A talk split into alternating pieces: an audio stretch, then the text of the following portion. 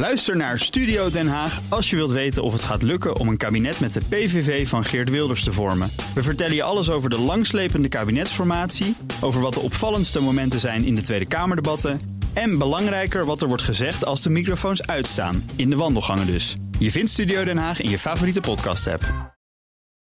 De wereld volgens Hammelburg. Het wereldnieuws in vijf vragen. Voor het eerst is er bewijs dat Donald Trump een strafbaar feit heeft gepleegd. Karel de Vries stelde de volgende vragen. Vraag 1. Dat Trump twee vrouwen heeft betaald om te zwijgen over relaties is oud nieuws. Wat is daar strafbaar aan?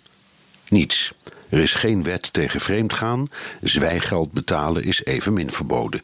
Strikt genomen waren Trumps veronderstelde affaires met Stormy Daniels en Karen McDougal financiële transacties.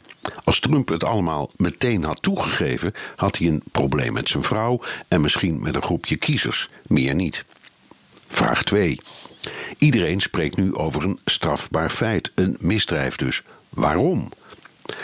Omdat Trumps advocaat Michael Cohen, die verdacht werd van financiële malversaties, een bekentenis heeft afgelegd en daarbij verklaarde dat het zwijggeld dat hij aan de vrouwen betaalde uit de verkiezingscampagne kas kwam in overleg met Trump. Dat is oneigenlijk gebruik van de verkiezingskas en dat is strafbaar. Wat heet, daar staan hele strenge straffen op. Cohen zegt dus onder Ede: Ik heb een misdrijf begaan en Trump was medeplichtig.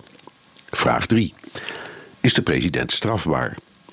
Ja, maar zolang hij president is, kan hij niet worden vervolgd. Dus pas vanaf 20 januari 2021 om 12 uur middags, of als hij wordt herkozen op 20 januari 2025 vanaf 12 uur middags. Let wel, dan is hij alleen maar een verdachte, want je bent pas schuldig na een veroordeling door de rechtbank.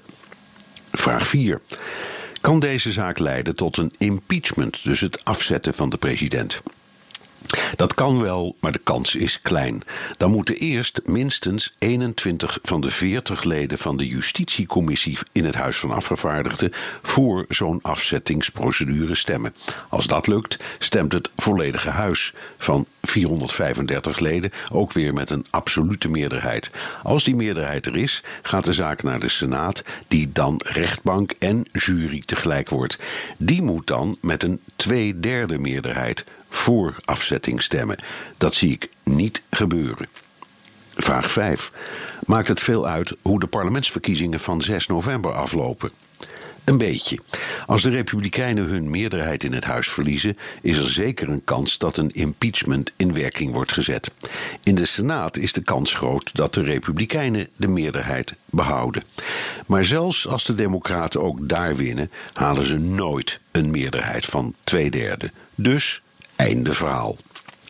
Dank Karel de Vries. In de wereld volgens Hammelburg beantwoord ik elke zaterdag vijf vragen over een internationaal thema. Hebt u een onderwerp? Stuur dan een mail naar onlineredactie.bnr.nl. Ook Diana Matroos vind je in de BNR-app. Ja, inderdaad. Je kunt live naar mij luisteren tijdens de Big Five. Ook handig in de BNR-app. Breaking nieuwsmeldingen, maar ook het allerlaatste zakelijke nieuws. En je vindt in de app alle BNR-podcasts, waaronder Wetenschap Vandaag. Download nu de gratis BNR-app en blijf scherp.